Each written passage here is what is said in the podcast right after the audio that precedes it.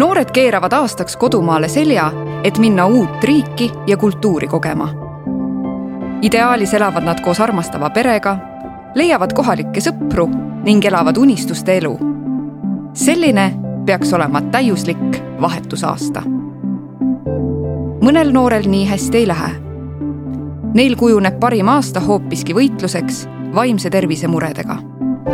katkised vahetusõpilased. Autor Karmen Laur, illustratsioonid Joonas Sildre, toimetajad Tõnis Tootsen, Mari Mets. audiolugu loeb Teele Pärn. salvestus, helikujundus, originaalmuusika Janek Murd. Levila kaks tuhat kakskümmend kaks.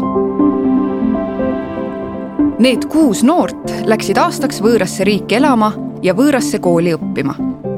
Nad otsisid vaheldust oma igapäevaelule, tahtsid kogeda midagi uut ja lahedat. Nad kõik lootsid sattuda hoolivasse perre ja luua kestvaid sõprussuhteid kohalike noortega. aga neil kõigil tekkisid vahetusaasta jooksul vaimse tervise probleemid üks on lähedalt näinud kahte koolitulistamist ja teine vaatas, kuidas politsei vahetusisa arreteeris. üks näljutas end ja teine tundis end täiesti üleliigsena. Üks pidi taluma seksuaalseid nalju ja teine perekondlikke pingeid.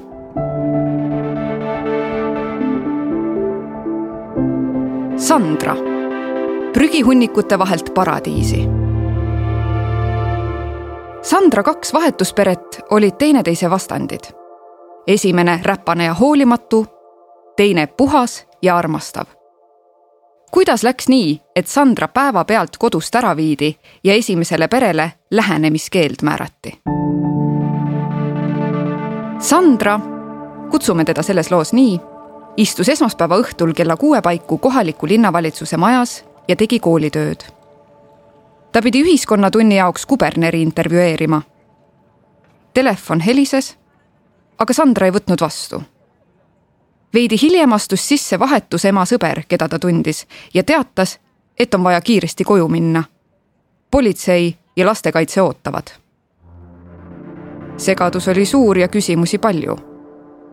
tal polnud aimugi, mis toimub. Sandra jõudis maja ette ja elas läbi Märuli filmi stseeni ta nägi oma silmadega, kuidas vahetusisa käed raudu pannakse ja ta politseiautos ära viiakse. Sandral oli pool tundi, et kõik oma asjad kokku pakkida ja kodust põgeneda. Sandral oli põhikoolis raskusi inglise keelega, nii et ta otsis keeleõppe võimalusi. põhikooli lõpuklassis märkas Sandra ühe vahetusaasta programmi kuulutust ja otsustas kandideerida. tal polnud suuri ootusi. vahetusaasta ei olnud tema unistus kui ma sain selle kõne, et ma olen valitud, siis minu maailm tegelikult varises kokku. Ma ei olnud selleks vaimselt valmis, et ma nüüd lähengi, meenutab Sandra. ta ei olnud valmis ka selleks, mis teda ees ootab. ta ei osanud aimatagi, kui süngeid hetki ta peab läbi elama esimene hoop tabas Sandrat kohe, kui ta USA-sse, Iowa osariiki Sumneri linna oma uude koju jõudis hubase ja korras kodu asemel tervitasid teda prahikuhjad, mustus ja aastaid koristamata toad. Mul oli seitsmeaastane õde ja tema tuba ei oldud koristatud ilmselt aastaid, sest sinna tuppa ei saanud sisse astuda. ma tegin ukse lahti ja vastu vaatasid prügihunnikud ja see oli tuba, kus ta elas ja magas. ainuke teerada, mis näha oli, läks voodini ja voodist tagasi see oli kõik, mida sealt toast nägi. asju polnud võimalik üles leida, kirjeldab Sandra. Nõusid pesti alles siis, kui need kapist otsa said või kui Sandra neid pesi. kuhu asjad maandusid, sinna nad ka jäid. kord viskas vahetusõde taldriku kildudeks ja see lihtsalt jäigi põrandale. kedagi ei huvitanud ema õigustas end väitega, et tütar ise viskas taldriku maha, seega on see lapse enda mure. Sandra koristas siis killud kokku, et keegi end veriseks ei astuks. Sandra enda tuba oli endine kolikamber, milles hoiustatud kola visati teiste asjade sekka mööda maja laiali. veelgi hullem, see oli tuba, mille kaudu pääses vannituppa. sisuliselt muutus Sandra isiklik ruum läbikäiguhooviks. ükski uks ei käinud lukku, ei vannitoa ega eluruumide omad. Sandrat häiris see väga, sest tema Eesti kodus on võimalik kõiki tube lukustada. Isegi kui seda enamasti ei tehta, säilib võimalus luua oma isiklik ja kaitstud ruum. Ameerika kodus sõelusid aga kõik sisse ja välja. Sandra proovis seda kõike aktsepteerida, vähemasti alguses. köök oli esmakohtumiseks ikkagi korda tehtud ning elutoas vedelevad asjad lubati peagi ära panna, proovis ta õigustust leida. vahetusaasta puhul on see, et sa ei saa peret kergelt vahetada. Kogu aeg öeldakse, et peab õppima selle perekonnaga elama, sest meil ei ole uut peret anda tol hetkel tunduski, et võib-olla see ongi siin riigis normaalne. võib-olla lihtsalt mina olengi väga puhtast perekonnast. võib-olla see ongi minu perekonna eripära. ma lihtsalt ei teagi, et teiste perekonnad võivadki sellised olla. see mõtteviis oli põhjuseks, miks Sandra vaikis, kui olukord vastuvõetamatu tundus. Sandra ei teinud suurt numbrit ka sellest, et pidi koos elama suitsetava inimesega, kuigi ta on astmaatik ega talu suitsuhaisu kui vahetusema suitsetas, läks ta tuppa või jalutama, sest hais oli niivõrd intensiivne, et tal läks süda pahaks ja tekkisid hingamisraskused. ta oli küll programmile maininud, et ei soovi suitsetaja perre sattuda, kuid seda ei võetud arvesse. külmkapis valitses tühjus. Peagi tekkisid perel rahalised raskused. vahetusisa töötas tehases, kuid jäi seljavalu tõttu koduseks selmet arsti juurde minna, istus ta kodus ja mängis videomänge. ka vahetusema ei käinud tööl ning kui ka tema haigestus, ei käinud enam keegi poes. mingil hetkel oli meil kodus üks päts leiba, ütleb Sandra. vahetuspere on kohustatud tagama õpilasele kõik toidukorrad. Täbara rahaseisu pärast ei suutnud vanemad aga oma peretki üleval pidada, rääkimata lisainimese toitmisest mina helistasin koju oma isale ja palusin, et ta mulle raha kannaks, et ma saaksin süüa. räägib Sandra ja ta silmad valguvad pisaraid täis. tuli ette päevi, kus tal polnud koolis midagi süüa. USA-s on koolitoit tasuline, ent vahetuspere polnud nõus seda kinni maksma. Eestis oli Sandra pere hämmingus ja võttis vahetusperega ühendust päris vanemad olid nõus Sandra koolitoidu eest maksma, aga muu jäi vahetuspere kanda, nagu nende kohustus ka oli. ma võtsin stressist ja sellest ebatervislikust toitumisest, mis sellel host perel kombeks oli, viisteist kilo juurde kuu ajaga. mis on väga ohtlik tegelikult, tõdeb ta nii ebanormaalsete elamistingimuste kui ka puudulike toidukordadega oleks pidanud tegelema Sandra tugiisik. tema aga ei hoolinud tugiisik ütles, et tal pole uut vahetusperet kuskilt võtta ja proovis Sandrat veenda, et küll olukord kuidagi laheneb. septembri lõpus selgus, et kodu polnud enne Sandra saabumist nõuetele vastavalt kontrollitud. kui programm sellest teada sai, saadeti kodu vaatama uus kontrollija. Ta oli uksest sisse astunud, minu tuppa läinud, vaadanud toa üle, majast välja kõndinud ja helistanud et see tüdruk tuleb sealt ära viia. et ainuke normaalne tuba selles majas on selle tüdruku tuba, räägib Sandra. lähenemiskeeld. sealt sai alguse tema perevahetuse protsess. vahetusperele anti nädal aega, et maja korda teha. Neile öeldi, et kui kodu püsib sama segamini, viiakse Sandra teise perre. eks see oli mõeldud pigem ähvardusena, tunnistab Sandra, sest teist kodu tegelikult polnud. kolm päeva hiljem, kui Sandra linnavalitsuse majas kodutööd tegi ja sealt äkitselt koju viidi, nägi ta pealt, kuidas politsei vahetusisa arreteeris ja minema viis. lisaks politseile oli kohal ka lastekaitsetöötaja. Ainuke asi, mis mulle öeldi, oli see, et oli tehtud anonüümne kõne politseisse, et minu host isal on salaja filmitud videod minust vannitoas. selle peale politsei reageeris kohe ja mind viidi minema, ütleb Sandra. mina varisesin kokku, sest ma ju ei teadnud. ma ei osanud inglise keeltki tol hetkel veel nii hästi. Host pere kodu on see koht, mis peaks mulle kõige turvalisem olema. tol hetkel ma ei teadnud üldse, mis minust saab, kas mind saadetakse koju. lisaks lastekaitsetöötajale ja politseinikule oli kohale kutsutud ka nõustaja Sandra koolist, kes ta ajutiselt enda juurde võttis. nõustaja ise elas teises linnas, kuid Sandra sai koos temaga kooli ja tagasi sõita. Sandra arvab, et üks põhjustest, miks ta kooli nõustaja juurde elama pandi, oli ka see, et turvalisuse huvides esimesest vahetuskodust võimalikult kaugel ja tundmatus kohas olla. Sandra käis seal koolis veel nädal aega selle nädala jooksul valvas kooli üks politseinik, sest mõned õpilased olid narkootikumidega vahele jäänud. Sandra tutvus politseinikuga ja võis vajadusel abi saamiseks tema poole pöörduda. seda Sandra ka tegi. vahetusema ei jätnud Sandrat rahule. Kui tunnid lõppesid, passis ema kooli ees, kuigi tema väikese tütre koolimaja asus hoopis mujal algul moosis ta Sandrat tagasi heaga, rääkides, kuidas õde igatseb Sandrat ega saa temata magama jääda, mistõttu tal tekivad unepuudus ja muud tervisehädad. süümepiinade sisendamisest polnud kasu ning vahetusema muutis tooni ja hakkas ähvardama. Ta nõudis tagasi kingitusi ja tahtis Sandrat pidevalt telefoni teel kätte saada, kuid tulutult. neiu tõdeb, et kui kool poleks teda toetanud oleks ta ehk survele allunud. vahetusema jälitamiste ja ähvarduste tõttu määrati perele lähenemiskeeld. juhtumi uurimiseks algatati kohtuasi. vahetusisa süüdi ikkagi ei mõistetud, sest tõendeid polnud.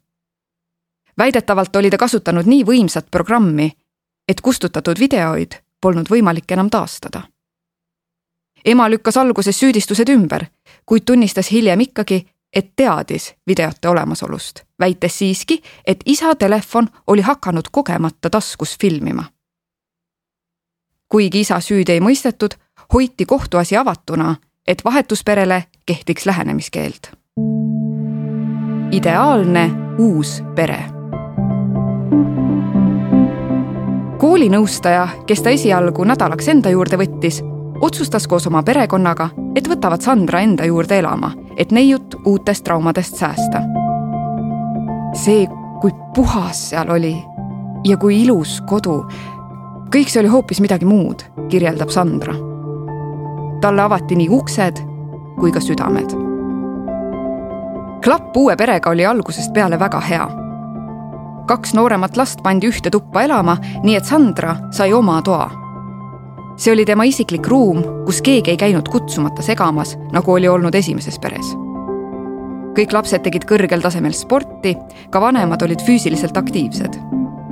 sport oli Sandra jaoks väga tähtis, sest ta on aastaid võistlustasemel tantsinud ja suure koormusega harjunud.